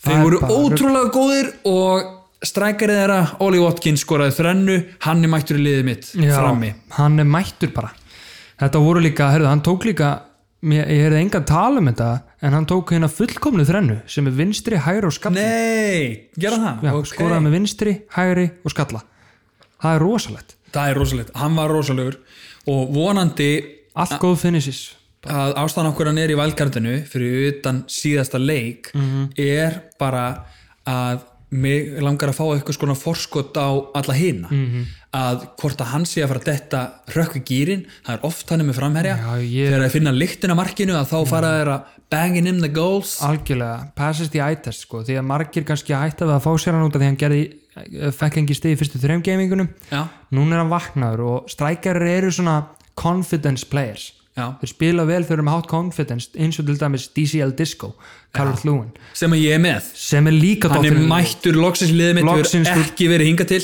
hann er komið með, þú er komið með á DCL Disco já, öllítið dýrari setna á tímabilinu en já, alveg vel dýrari en worth it maður, ég- worth it ég held að ég sé ekkert að fara að taka hann út á næstunni sko. Nei. ég fekk mér hann í 7,1 miljón minnum mig já, vel gert og hann er komin í hvað? 7,6 7,6 hann er að fara að hækka mest á þessu tímabili sko. Já, það er klárt, hann er að eiga svona Danny Ings tímabil og hann er líka bara svona í þrennum og alls konar, hann er komið nýju mörk Andri, Já. þetta er bara rugg hann, hann, eftir fjóra leiki nýju mörk, níu mörk eftir fjóra leiki já, ert, ert í ennsku úrstældinni hversu mikið bull er það? Já. pælt í þessu það eru 34 leikir eftir ég veit það, hvað er hann að fara að bæta með þetta að sala? ég held það shit nei, ég segi svona ég meina svo líka hann skoraði eitt um helgina já, en í deildabyggarnum skoraði hann líka þrennu já, hann bara, og hann er bara rolling in hat-tricks já, nei, já, ok já, ég er skil. það nýju mörk með hat-trickinu já, það? ég var að tjekka því ok, hann er með sex mörk í deildinni já, sem Í er fjórum. í fjórum leikum já hann er Það er bara drullið rosalegur og þetta nýja system, Carlo Angelotti er að bossa þetta, ég veit hann hann er mættur hann er mættur og annar efutómaður sem er mættur reyndar á bekkin er Hamis Rodríguez já, einmitt og þeir eru að fara að mæta að Leopold næst uh, Ég- Rodríguez er á bekknum Mhm. ég er með Calvert Lúin ef hann er að potin einu marki á mútið Leopold þeir fengu sjömörk á sig síðast það geti Mhm. já, gerst ég er með Dinje og Calvert Lúin í mínu liði sko, Já, já. á móti Leopold já, já, og ég er með Leopold menn hann að í næsta gaming liði mitt er ekkert þetta er darbi slagur að getur allt gerst já, ég held þetta verði einn áhugaverðasti derbi í, Evertón hefur í aldrei sögu verið jafn Liverpool. skemmtilegt að mæta nei, gæti verið markalegur og ég vona það því, þú veist, síðustu tímambil hefur þetta verið sko döði leikir Já. 1-1 eða 0-0 allir gett passífir en með við þetta tímambil hvað eru mörg, mörg í öllum leikjum Mhm. þá verður maður bara að setja háar væntingar á þessa leiki sko. já, ég er ókýrslega spenntu fyrir þessum leik og, en ég er mjög kvíðin líka sko. ég er stressaði fyrir þessum leik já ég held að Liverpool gæti alveg Evertón tapa gæti unni það er bara svo leiðis þetta er á heimaðalli nei, heimaðalli Everton þetta er að góða sem þannig bara að þetta er, þetta er ekkit, já þannig að stressandi, þetta bara er maður er stressaður fyrir hann leik og svo áttu eftir að nefna hvað síðasta gæjan í liðinu e, já, síðasta strækarinn já, bara síðasta gæjan Mhm. það er eitt sem kom á Transfer Deadline Day Yep. eða manna nokkur dögum Eh, áður allavega eftir podcast, ég held að koma á föstudeginum já, ok, koma á föstudeginum sem fyrir að við erum helgina. búin að býða eftir við erum búin að nefna þetta í nánast öllum podcastum og búin að bara uh, vera að drulla yfir vældir að vera ekki búin að klára þetta kæfta já, hann hefði átt að Chris vera hann í Valdir hefur byrjun þetta löngu vera búin að klára þessi skipti yes, þeim vantaði strækar til að klára færi sín já, maðurinn er Ryan Brewster sem Ryan mætir Fulham næst heldur betur 4,5 strækar 4,5 strækjar og do me proud og ég meina, þeir eru örglega ekkert að grínast með þetta sko. þeir Nei. keifta hann á eitthvað, hvað, 25 Já. miljonir og Leopold getur keifta hann tilbaka næstu þrjú árin á 36 miljonir já, þannig að Leopold er að horfa á hann hýru auga að- að vera þú veist, mig grunar að hann verði aðal strækjan þeirra já Þótt að, hann er langt besti strækari þeirra og þeir eh, Sheffield á eh, næst flestu, þriðjum næstu eh, krossana í deildinni eitthvað svo já, já. og eh, þetta er fullkomin virkilega staður sókdjarfir sko Já. ég meina, ef það er að byrja með börk frammi, þá er Brúster allan daginn mun betri strækjar Já. það er bara þannig, börk er kantmaður sem Já, ég hefur meina, ekki Burke er- staðið sér vel hann hefur ekkert verið að spila mikið bara fyrir Vestbrom til dæmis og við mann þegar við vorum að byrja með podcastið á prísísunni í gangi, Brewster að gera allt í prísísunni, já, kom inn á í háluleika mútið Salzburg og jafnaði leikin í 2-2 já, hann er bara geggjaði að finna sér og ég er mjög spenntur að sjá hann spila loksins í Premier League já þannig að þetta eru heldur mjög góð kaup og mjög spenntur verið þessu ég er líka mjög spennt fyrir þessu og ég er spennt fyrir eh, þetta er valkartum mitt eins og er þetta er valkæti og, og, ég, er bara, og ég er stressað fyrir næstu umfjall já, þú er með allt og gott lið ég, mér líður bara vel með þetta lið gæti verið að ég breyti engu nema það getur allt gerst, COVID smitt meðsli í landsleikalínu mm Mhm.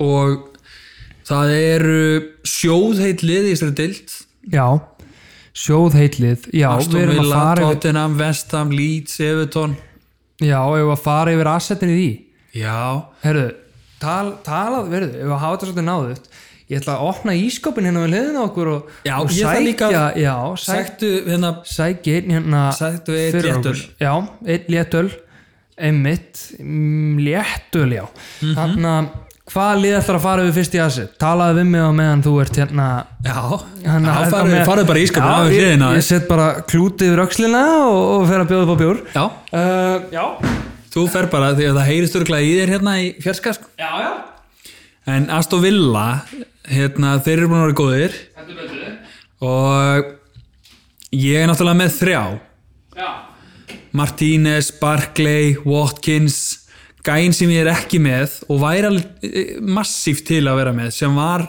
klárlega bara maður leiksinn sem áttu Liverpool Já, Mættur það mættur Það var Grílis Grealish Ert þú með, ertu ekki með Grílis? Herðu, það er nefnilega fréttir Ah. Fyrir næsta gaming Ú, Tók mínus fjóra Á, ég- á ég að segja transferum mín bara Í- Fyrir Já, næsta ég meina ég var að segja frá valdkartinu mínu Já, hérna Já, ég, ég skal bara áður en við förum yfir assetinana Þá skal ég bara segja liðið mitt fyrir næsta gaming í rauninni Eða ekki? Jú Þannig að ég gerði tvö transfer og málið var sko að ég vildi ekki ég hefði geta gert bara ven, eitt transfer Barnes út fyrir Grealish mm en ég vildi gefa Barnes sjens Ok, þannig þannig ég tók út Besuma sem var næsti eðastur hjá mér í síðustum fyrr 4,5 miljónar miðumæðurinn minn já hann hann að já, tók hann út, setti gríli sinn tók svo Danny Ings út strax aftur Já, og setti inn Brewster ok og núna verði ég virkilega að fara að hætta þessum hits því þetta er orðið mjög mikið hits strax og ég, Já, af því að ég er búin að ná þér já, út af þessum hitt já og hann að liðið mitt fyrir næsta gaming þú veist, ég leikinir eru ekkit endilega allir in favor af leikmennunum mínum sko, þetta er ekkit eitthvað góð leikir en það eru margir að, kannski að mæta hvora öðrum já, en það verður bara að hafa það sko út af því að en hva, hvað get, allt getur gerst þá er allir að fara að skora já, uh, ég er með Martínez í markinu uh, Trent á móti Everton uh, Lewis á móti United Sæs að mæta Leeds sko uh, Sæsa múti Leeds uh, Trent á múti Evertón þetta eru svona leikmenn sem að já, ég er ekki með já það getur verið áhugart sko og Lewis já, United og svo hann náttúrulega Salah á móti Everton uh, De Bruyne á móti Arsenal svo eru Grealish og Barnes að mæta hvora öðrum á miðunni Mhm. Aston Villa, Leicester svo eru með Potence á móti Leeds á kantinum og Raúl Jimenez og Calvert Lúin frammi þannig að ég hvað vælkartið hefur breyst og vá hvað þetta er samt gott lið eh, fullt af mönnum sem að gætu gert sko. sem að, sem að þurfa að rífa sig í gang Mm. Ég meina, eina sem ég ágjur af, ég er með þetta trippul upp á Wolves. já, Ég þarf einhvern veginn að fara að forgámsraða þessu hérna. Ég, en ég er með Brewster, já, á bekknum. Ég sett inn Brewster fyrir Ings, já. ok Því ég held kannski að hann byrja á bekknum og ég ætla að gefa Potence hérna byrjunlega sæti í staðinn. já, Og Dinje er á bekknum á móti Leopold. Hann, eh, ég held að, ég veit ekki sko, aðaldæmi á mér er Lewis eða Dinje. Þú veist, hvort ég spila Dinje á móti Leopold eða Lewis á móti United. og ég einhvern veginn held að það verður bara mistök að vera með Dinje en það er alveg típist að Everton vinni og halda hreinu og hann að Dinje fái fullt að stegum á bekknum mínum en, já en já, þetta er allavega liðið mitt fyrir næstu umverð ok, mér líst þér á þetta þannig lið að eigum við að fara yfir assetin já, við vorum að tala um Aston Villa og, og hérna og Martínez, Barclay, Watkins og Mm. og Grílis að sjálfsögðu og fleiri sem eru góðir Mings var að hækki verði Mings, já, hann er búin að eiga sko mjög gott start já, ég setti hann er með eitt mark náttúrulega clean sheets já, og annar gæi ef þú vilt ekki fara í Mings í Aston Villa Konsa 4,6 miljonir já Eitt hann mark. hann- hann er meira að segja að vera Hann er orðan við, við ennska landslið í alvöru já, já, er hann frá Englandi? já, já, já það er víst hann er 4,6 miljonir komið með eitt mark líka á clean sheet já, Þú veist, það eru svo margir í Aston Villa Grealish, Watkins, Martínez Konsa, Mings, allt gæði sem ég skrifaði niður já, og annar gæi upp á clean sheets sem er ódýrasti kosturinn kannski er Target í vinstri bakk Target hann er 4,5 já, hann er líka bara sterkur Eh, já, já, geti komið ykkur assist á Watkins algjörlega hann er, og það eru fleiri heitli Tottenham það eru Tottenham. með Son og Kane já, og enga aðra já er það ekki? Jú, ég hann að ég hann að, jú, ég skrifaði hérna Óriðir en síðan hlustaði ég á eitt podcast hérna og, og hann náttúrulega um leið að, þú veist, ég heyrði í því podcasti að, að núna er náttúrulega meistradildin að byrja, þannig að þetta verður eitthvað rotation á Óriðir og Dóhert í greinlega þannig að ég myndi, ekki, ég myndi bara stay away from Óriðir já, það er bara Son og Kane það er bara solid Solid og Vestham mhm þar er Antonio Já, hann er, og líka sko vestam er svo, þetta er svo fyndið þetta eru allt gæjar sem eru með fullta stegum og eru bara á afslætti núna -hmm. Mhm. þú veist, Antonio er 6,3 miljonir núna já, þannig að þú getur fengið hann á afslætti þessa hann, er, helgi hann er að bara working his way up to 6 million Já, Hann og er er með geggjaður. steg og er að standa sér vel Susek er 4,9 miljonir til Veist, dæmis veistu hvað, núna eiga Vestham erfiðasta prógramið á öllum Mm. þeir eiga hvað, Tottenham Liverpool City, eitthvað svo leiðis eitthvað svona Já. Mhm. á- ótrúlega raut og ef að Antonio uh, ef að eh, Tottenham Liverpool og City standa sig Já, þá verður On- Antonio ekkert spes í þeim leikjum Já. ef allt er eðlilegt já, sem að þýðir að þeir sem eru ennþá með hann transfera hann út Já. þá gæti hann eftir þessa Eftir eh, þessa þrjá erfiða erfiðu. leikjarinn runu já, uh, dotti í 6 miljónir eða 6,1 já. uh, Með, gegg, 5,9 jáfnvel og uh, með geggja prógram með geggjan prógram Þau eru- eftir þau eru það já, búin með öll erfiðu Já. liðin nánast. já. Það er bara þannig og ef Oli Watkins og mér er ekki að standa sig þá geti það bara verið direct switch yfir í Antonio. Mhm. Nákvæmlega, algjörlega og er eitt, eitt á, áhugavert asset í Mhm. mm -hmm. vestam Masuaku hann er 4,5 miljonir já, alveg frá byrjunleiksins hann er búin að vera 4,5 frá byrjun ekkert hækkaði hann eitt Já, hann er samt stigahæstur af öllum 4,5 varnamönum í alvöru já, All, öllum 4,5 varnamönum er Masuaku stigahæstur eins og er Vá, og hann er bara að standa sig vel og, Chilvel og líka Cresswell er 4,9 Nei, já, Chilvel, já, Cressvel já, Chilwell er líka Chil- góður Nei, já, hann er Cressvel, Cressvel 4,9 og hann hefur verið stundum í valkartinu hjá mér og stundum ekki og hann er með held ég flesta krossa í deildinni já, þetta er bara og hann er aðslæti líka, 4,9 Já, og annar gæði sem við hefum ekki nefn Jared Bowen hann er hann er rosalegur og hann eru afslætti líka, 6,3 ár og einnig viðbóta afslætti, Susek já, þetta eru, hann er komin í 4,9 það eru allir gæðin sem ég nefndi hérna. 4,9 miðjumæður Já. sem að er í topp 10 mest þrettning leikmenn hann. já, nema hann hefur bara ekki náð að skora ég meina um leið og að þessi leikjar hérna er búin geta verið ódýrari og þá hann að þá eru þessi gæjar, allir 100% gæjar sem ég myndi hugsa að fá mér Já, það er bara, þetta er, allan daginn ég bara þóri ekki að taka sensin að því því að, jú, Eftir þetta leikjaprógram þá, þá gæti verið maður færi sig úr Aston Villa yfir í vestan já, það gæti verið ef að Aston Villa stendur sig ekki Algjörlega og en svo miða við vestan bara frá byrjun tífumbils þá er alveg hægt að veðja á alla þessar eigmenn, þú veist það væri í raunin ekkert skrítið að fá sér Antonio núna Nei, eða Ódýran Masuaku eða Bóven þú veist út af því að þetta eru gæjar sem geta þe þeir eru búinir að gera í, í erfiðu prógrami, þeir eru búinir að gera allir fáranlega vel já þannig að þeir Það er, geta það, mætt- það er bara spurning hver þorir því á meðan að Já. þú ert með aðra leikmenn og öðru liðum sem eru líka heitir og eiga auðveldar á leikjaprógram þetta, þetta, er- eins og er, eru þeir svolítið differential sem gæti gefið þér stig sem aðrir eru ekki að fara að fá Já, þannig að ég Þeir sem þora. ég þóri Ég- ekki sjálfur ég líka, ég skræfa uh, viðkjönni en margir gætu grætt á þessu eða þeir Já. taka okkar hint á það sko.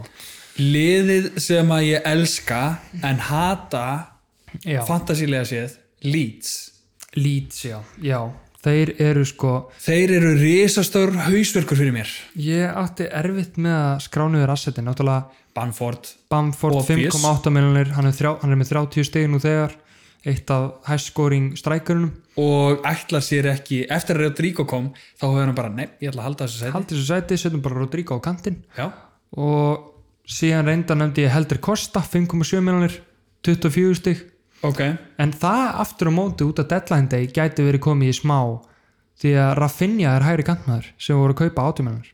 Ok, ok Þannig að hann gæti mögulega verið Svo að berjast. Poveta að standa sig þegar hann kom inn á móti City Já, nákvæmlega.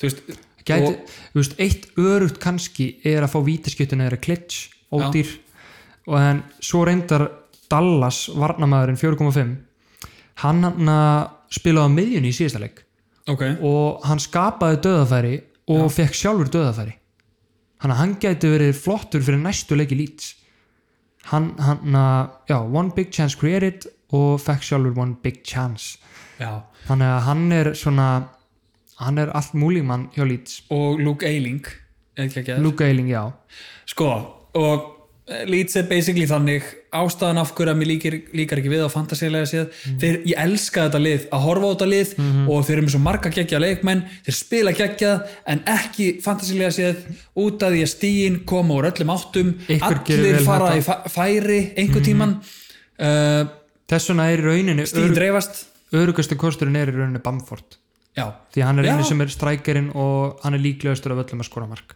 satt Þannig að ég myndi segja Bamford af öllum þessum og ég er ekki ennþá komið með neitt Leeds asset. ég er hérna Eh, Ertu- ertu komin með byrjunarliðið? ég, ég hérna, Herðu. er komið byrjunarlið á Íslandi á út í Rúmini Í nánast beinni þeir muni heyra byrjunlega morgun Þið frá okkur. munið væntalega að vita hvernig leikurinn endar en við erum svo spennti núna sem Já, fyrir. nefndu byrjunarliðið. Eh, Jói Berg byrjar Nei! Jú Johan Berg! Við, Já. herru, við, við fórum að sussi í socialinu sinu og hann satt við hliðin á okkur. Það er rétt Á, fyrir COVID, langt Já. fyrir COVID, fimm árum fyrir COVID. Einmitt, Susi Social maður, geggjast þar Hérna, hérna Hannes í markinu uh, Guðlögu Vektor í hægri bak og Raki Sig og Kári Átna í miðverunum Hörður Hver er vinstri Björg- bak? Hörður Björgvin Hörðu Björgun, já, ok, Guðlaugur í hægri bak. Já, Já, uh, Aron Einar Gunnarsson og Birki Bjarnason á miðinni Yes. og hérna ég fæ eiginlega gæsa á það að segja þessu nöfn af því að þetta er svo líkt hérna, EM 2016 eh, Artur Yngvi Traustason Jói Já. Berg, Sikurum einn eh, Gilvi fyrir aftan Alfreð oh. Já, Alfreð er mættur Alfreð er mætt Ó, ég er svo spenntur að sjá Alfreð, hann er geggjaður hérna, Hann er okkar Fernando Torres Það er að, bara því hann. að, að því að þið viti hvernig úslitin eru því í framtíðinni Mhm.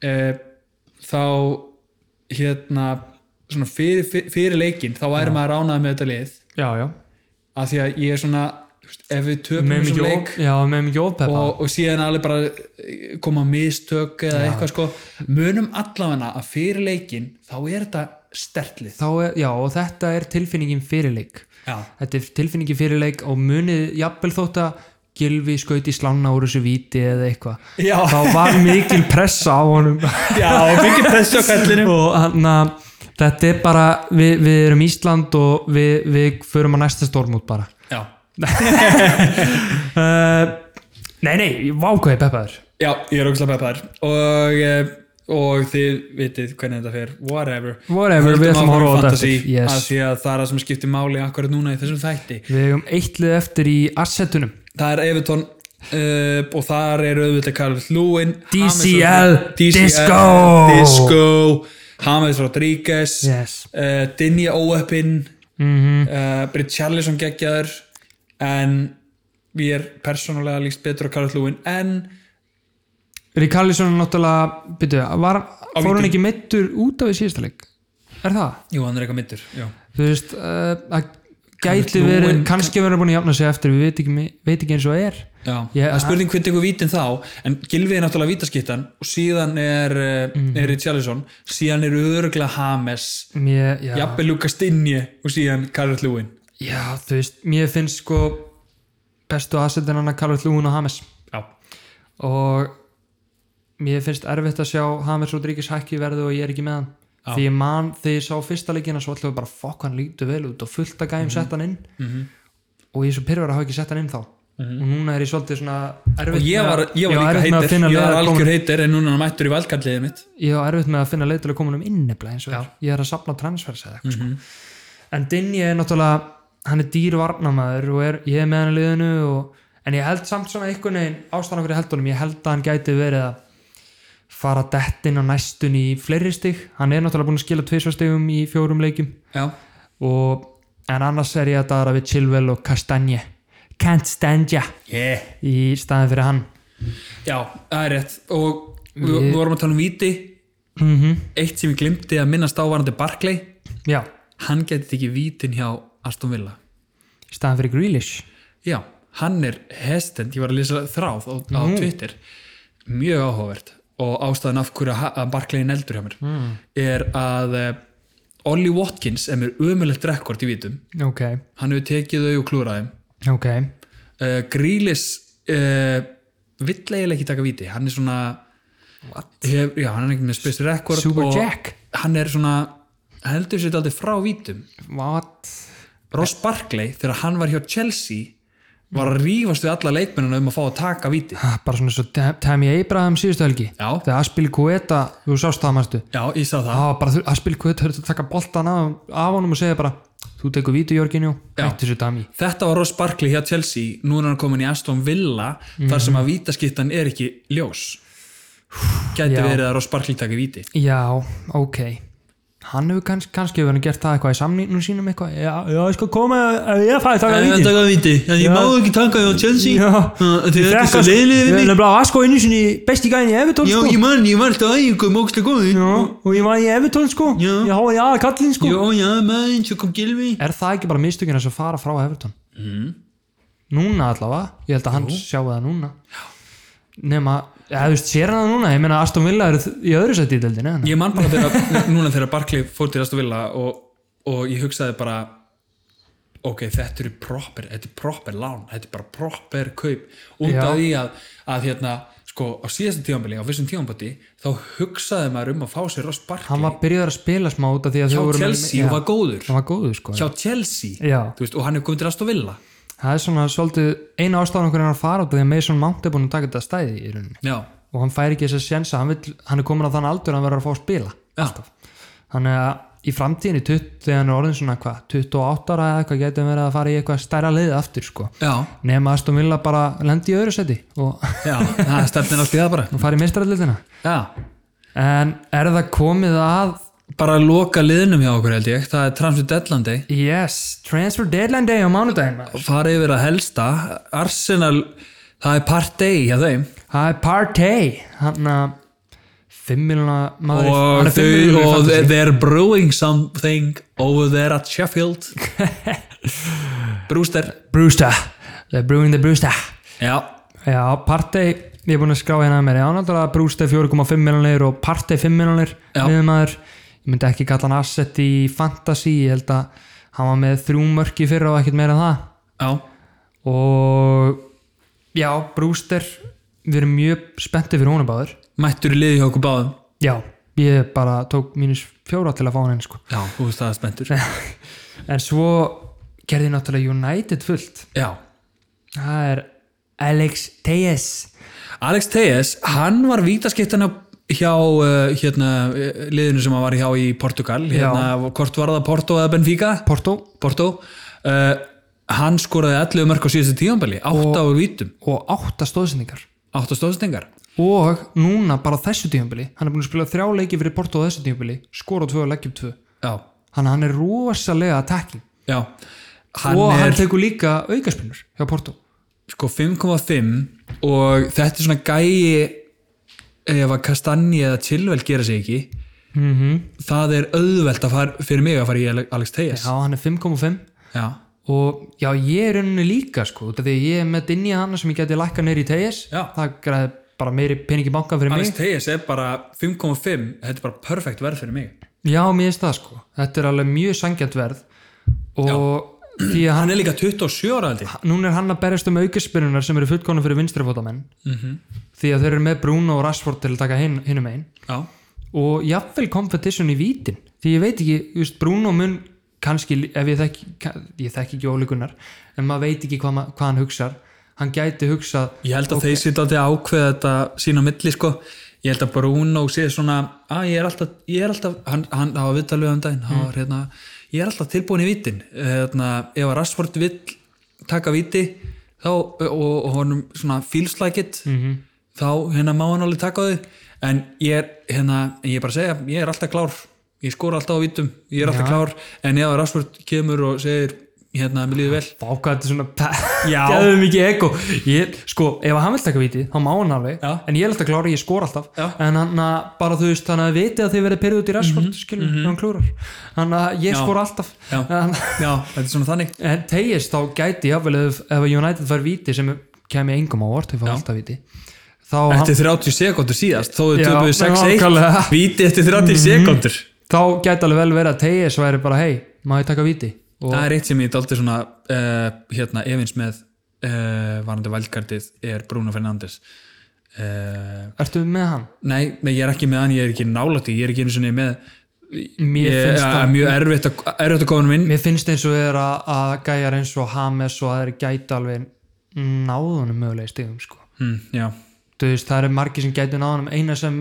veltur á því hjá honum eru vítin og það er eins og að láta það velta á því sama með Jorginho, skilur við já, já nema United fær fullt af vítum eða, þú veist, En ég hann er náttúrulega- samt hann með legg- vítaskiptur í þessu hann- liði, en sko, Bruno það er ekki legg- það. en Bruno leggur náttúrulega alltaf upp en ég er að tala um, já Tejas gæti fengið að taka víti kannski á debutinu sínu eða eitthvað sp- svona Já. Gæti verið. en, en þeir gerðu náttúrulega, já fleiri kaupi gerir uh, Cavani Gavani, Edinson Gavani það verður áhugavert, hann er komin í sjöuna sem að bara the cursed number það er já, langt síðan að þeir áttu góða sjö mér, þetta, þessi hver er síðasta góða sjöan hjá, sem að þeir áttu þú veist, Owen er búin að vera með þetta Sanchez er búin að vera með þetta Antonio, Antonio Valencia var í sjöunni og fór aftur í 25 af já, því hann gæti ekki höndlað, það bara ég get ekki höndlað sjöuna það er Cantona bara síðastur eða?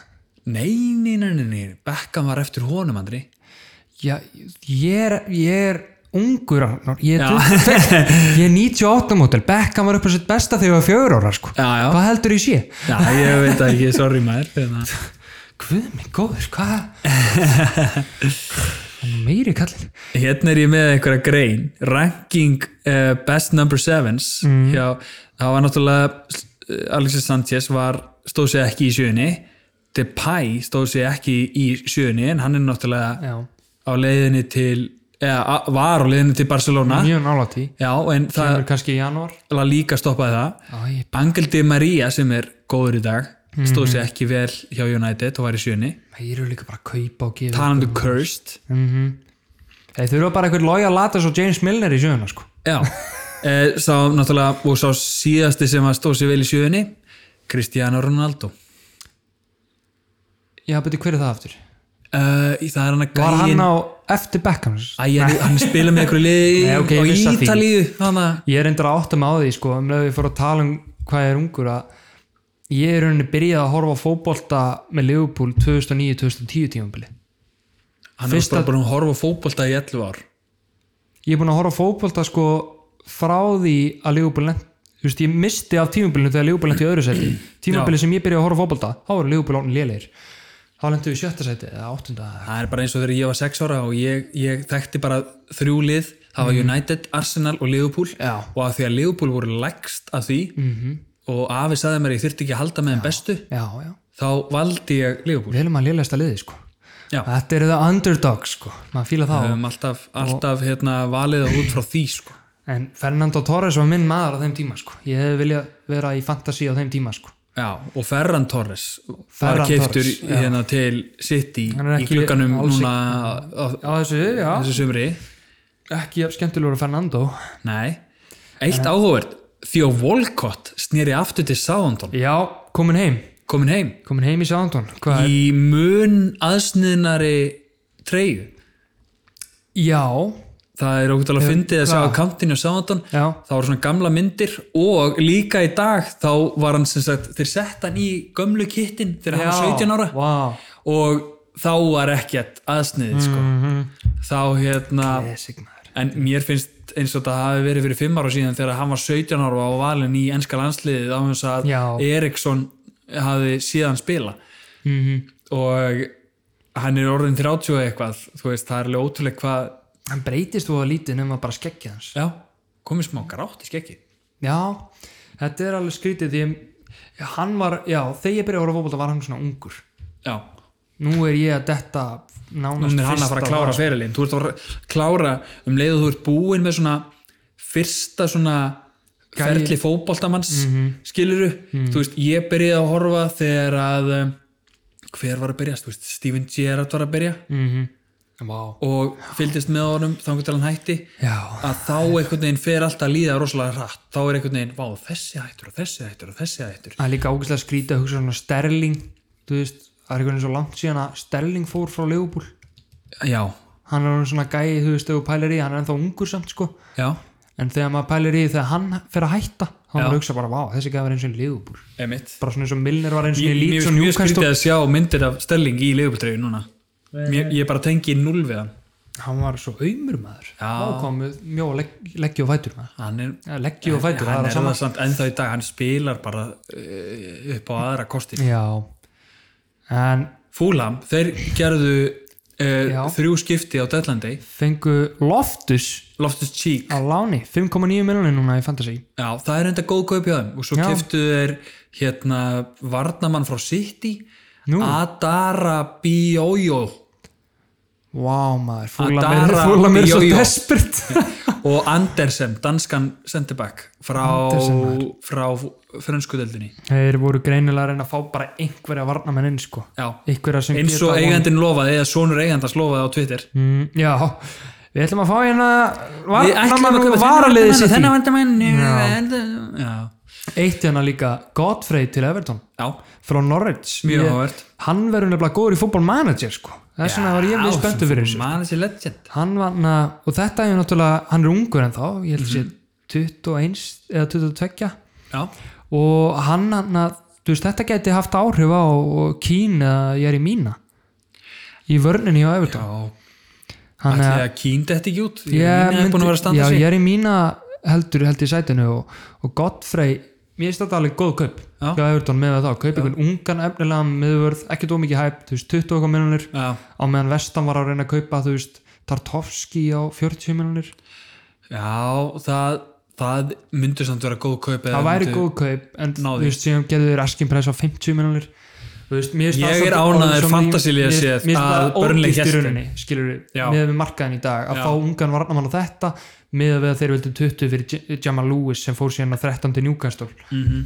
þannig að já, þetta, mér finnst þetta góð kaup Leeds kipti Rafinha frá Rennes já, 5,5 í fantasy já, þetta geti að það eru á spilatíma Kosta og Harrison já, og eitt áhugavert uh, hann að Vestam rifti samningnum hans Vilsir mér finnst það mjög áhugavert og hann sendi frá sér ekki Vilsir, já, það var mjög áhugavert sem að, og sem að þetta er alltaf sorglegt hérna, hvernig við enda fyrir Vilsér því að hann sendi frá sér post á Twitter, Mhm. þar sem að hann er að segja að hann er búin að vera í eitthvað eitt og, eitt og allt ár búin að vera heilsurhaustur uh, og í topp formi já, og hefur bara ekki fengið að spila og þetta er Jack Wilshere sem var vonastjarnar Englands Mhm. já og hann er í og vest Arsenal og, og hann, hann spilaði bara 12 leiki á tveim árum fyrir Vestam, 12 og, leiki veist, og hann er bara þú veist, fitt og hann hérna, skilur ekki hvort ekki uppni niður úr og eitthvað, þetta er bara sorglegt þetta er svona típist dæmi þegar að kemur ykkur vonastjarna þetta er svona, ég Bara meina, ensk- Deli Alli ensk og vonastjarna, Vilsér voru já. með svona svipað Hæp, profile, já. Mm. já, svipað hæp þú veist, maður veit ekki hvað gerist fyrir Dele Dele Alli Alli, með já. tímanum sko. þú veist uh, ég sjálfur sko hann mun fara eitthvað frýtt á hann náttúrulega, hann getur farið eitthvað frýtt núna Veist, tvær ég, ég, vikur, ég, ég ætla að segja að Jack Wilshere fari til Aston Villa og komist ekki í byrjunarliðið nei, ég það Já, og því verið men- men... bench player bara Já, ég meina þú veist Mm. Jack Grealish og Barkley þeir halda honum út úr liðin já, já, ég... og Húri Hein það væri svo heimskipti hjá honum held ég bara. já, að, því að þeir, eru- já, þeir eru með húri heim sem fór á bekkin og stóð sér vel í leiknum á undan já, ég held að lið fyrir Vilsér væri bara liðið svo fúlam fúlam væri held ég bara fullkomið fyrir hann já þeir verða eiginlega að taka hann þetta er eh, bara frýtt eh, ef það er ekki fúlam þá held ég að hann fari bara í championship sko. hann þurfi bara að endur með þetta ferilin sinn og reyna að vera besti gæðin í championship í kannski derby bara slæmt orð á honum í úrastöldinni og engi vill, þú veist, þetta er bara spurning hver vill taka áttuna eða- líka bara ég, þú veist, það er alltaf að taka áhættuna svo lengi sem er ekki með ofá laun eins og maður sá með hann, að, við erum búin að horfa á Sönderland heimildum Já, já, Uh-huh. já. Jack Rottwell til dæmis hann er gæi sem varð svo, aðeins meira hardcore decline hjá honum heldur en vil sér einhvern veginn já, þar sem hann fer frá sitt, nei, Everton í Manchester City þaðan í Sönderland og síðan er, þaðan eh, til hérna á Ítalíu, Róma eða eitthvað frá Sönderland já, eða eitthvað, já, þú veist, síðan bara vildi hann ekki hafa bara samningsbundin Sönderland og þeir eru ekki efnaði að rifta samningunum hans og hann er alltaf á háum launum og, og þetta er það sem hann fílaði bara hann vissi bara að hann var ekkert að fara að fá betri laun en staðar annars staðar því hann er bara ekki, var ekki nógu góður og Everton gerir bara frábæran díl í að selja til City og áhugavert að því að ég held að já, ég heyrði viðtal á sínum tíma þegar Jock, Jack Rodwell var kornungur -hmm. og það var mikið hæp í kringum hann -hmm. að þá er held ég viðtal við Bjarnar Þó Viðarsson sem að er núna í enska boltanum að sjóa símans já, ég held að það er Bjarni Þó Viðarsson það var einhver með Connections Íslendingur kon, með Connections uh, uh, við Everton eða Mm. Já, hvort það var já. Arnar Gunnlaugsson eða eitthvað, ég man ekki hvað það ykkur, var ykkur íslensku meistari einhver íslensku mistari sem að og sagði að orðið frá Everton, það sem ég er að heyra frá Everton er að hérna uh, hæpið á Jack Rodwell mm Mhm. -hmm. þetta er bara hann er ekki svona góður Já. S- að, þú veist, sitt í, þegar sitt í kiftan já, já, sitt í kiftan, svakalega mikið hæp Mhm. en, en bara þjálfararnir og þeir fyrir að segja hann er bara ekki með þetta quality hann er bara ekki með þetta quality og síðan er þetta bara komið ljós sko. já það var ég- fáralegt á þeim tíma að segja Já, akkurat og þú veist þetta, þetta er svo oft með City líka Já. þú þú veist, John Stones til dæmis, kipta hann líka frá Everton og massíu upphæð Otamendi, Mangala þetta, þe þe ég held að þau þurfu bara aðeins að fara að Og lí- fjárfesta líka bara, frekar en að fjárfesta í þessum leikmönnum en- endalaust að- og eitthvað net. veðja þá bara fá scouting network Já. fokkin fá ykkur bestu skátana og, og finni þess að leikmenn sem eru raunverulega góður já, þeir verðast bara að fara í gæja sem er bara hæpaður á Twitter eða gott YouTube-vídeó og það er svo, þú veist, á sínu tíma ef að Downing var að gera vel, það eru örgulega splest 50 miljonum í stúr Downing sko. já, einmitt 20 miljonum fyrir Downing lúka vel í dag sko. já, já. einmitt þetta er bara, já og þeir síðan, þurfa að vinna eitthvað í þessu en, en það var annar fantasy legend sem að e, sem að hérna var fekk samningi sinn riftan mm. Nýland hjá Stavilla nei jú, jú. Ó. hann er samningslaus þetta er enda þægilegt fyrir mig sko það, því ég var ekki, ég var smeykur um að stýr myndi svona missa varamannasæti, þetta var svona myndi skiptast að milli Nýlald og hans, sem Já. ég skrítið eða eitthvað að vera, já þau eru bara að berjast um að vera varamannmaður og já, eða mitt en þá er hann allavega staðfyrstur Jet Steer, varamannmaður, hann er í liðinu mínu yep. já, þetta auðvildar fyrir þig að, að vera já, með það stilti. þurfi ekki að vera með já. eitthvað efasendur um varamannmannin að Nýland sé komin hana Já, en, En- síðan hérna Smalling fór frá United Loksins. og Bufal fór frá uh, Southampton hvert fór Búfal? Bufal uh, til Angers í France League One Wow. og Hoet hjá Southampton fór nú, hvert fór hann? Þú með það? Hoet fór til Lazio á season long loan Jæja, flott hjá kallinum og já, mér er samt svo skrítið eitthvað þú veist, Smáling stóð sér vel á Ítalíu Já. á láni já, meða við vörnina hjá United já, gætu þeir ekki samt bara nota hann? já, einmitt mér finnst þetta ógeðslega skrítið sérstaklega því að hann er að gera vel í, í hérna, Vætali já, Ítalíu og bara stóðu sér frábælega og, en hann líður bara greinlega vel þar og hann er aðal maðurinn þar margir sem að fór Smaldini er hann kallaður hana Jóks, hann er Oh, kallaður Smaldini það er svolítið wow. Maldini Smaldini Wow. hann er það hátt metin á Ítalíu Wow.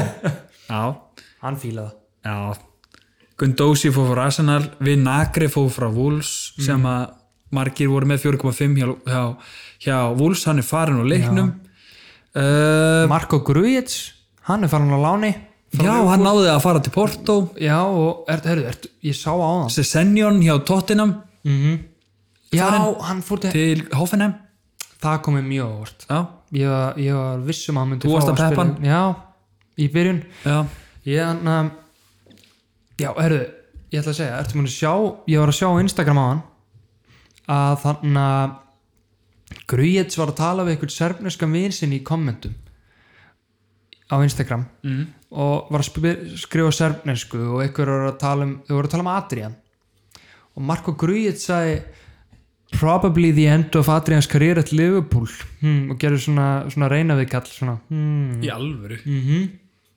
What? Já, það er mjög skrítið eins og hún finnst það að voða að fyndið eitthvað Hann Hann var ekki kloppuði pottet verið brjálaður eftir hennar leik og þeir reyndu strax að fá Gazanika, Já, Leopold og það tókst ekki mér langar að sjá Kelly hér í markinu næsta leik, Það er svo leiðis það er svoleiðis Uh, ég bara sem liðbúrstunnsmaður og ég horfi á, á hérna, highlights úr leiknum -hmm. þá uh, er ég aðeins slakari ef ég hafa aðdrein í markinu Já, já, en Kelly hér samt, mér finnst hann eiga eftir svona framistuð bara hjá Liverpool, frá, hjá Adrian sem mistök og Kelly hefur, hefur spilað í Deltabeikunum eitthvað á móti einu svona sterku lið, ég held að hann spilaði eitthvað tímann á móti Arsenal eitthvað svoleiðis Já, þá stóð hann sér vel og ef, að ein- ef það er einhver tími til þess að gefa tækifæri á Þá þú er hann núna, veist, Kelly já, er, hann já, er ungur ok. þú veist, hann er ungur já, já, já, já.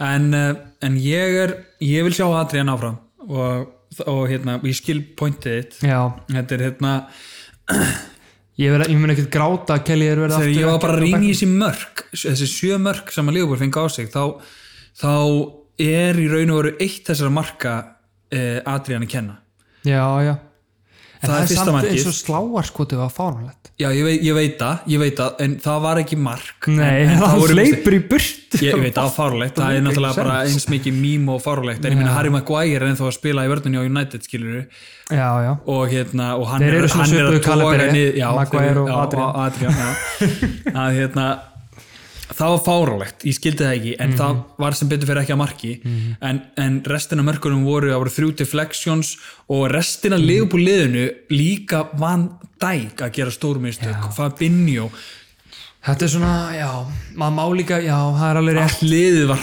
herfilegt ég held að Klopp Já, hann hugsa röglega, má, má líka ekki heldur gleyma góðu tímanum, Eh, Adrian hefur alveg staðið sér mjög vel í mörgum Ah, öðrum já. leikjum já, þannig að ég held að þetta verði bara uh, challenge í næsta leika Everton já, að rífa upp allan hópin já.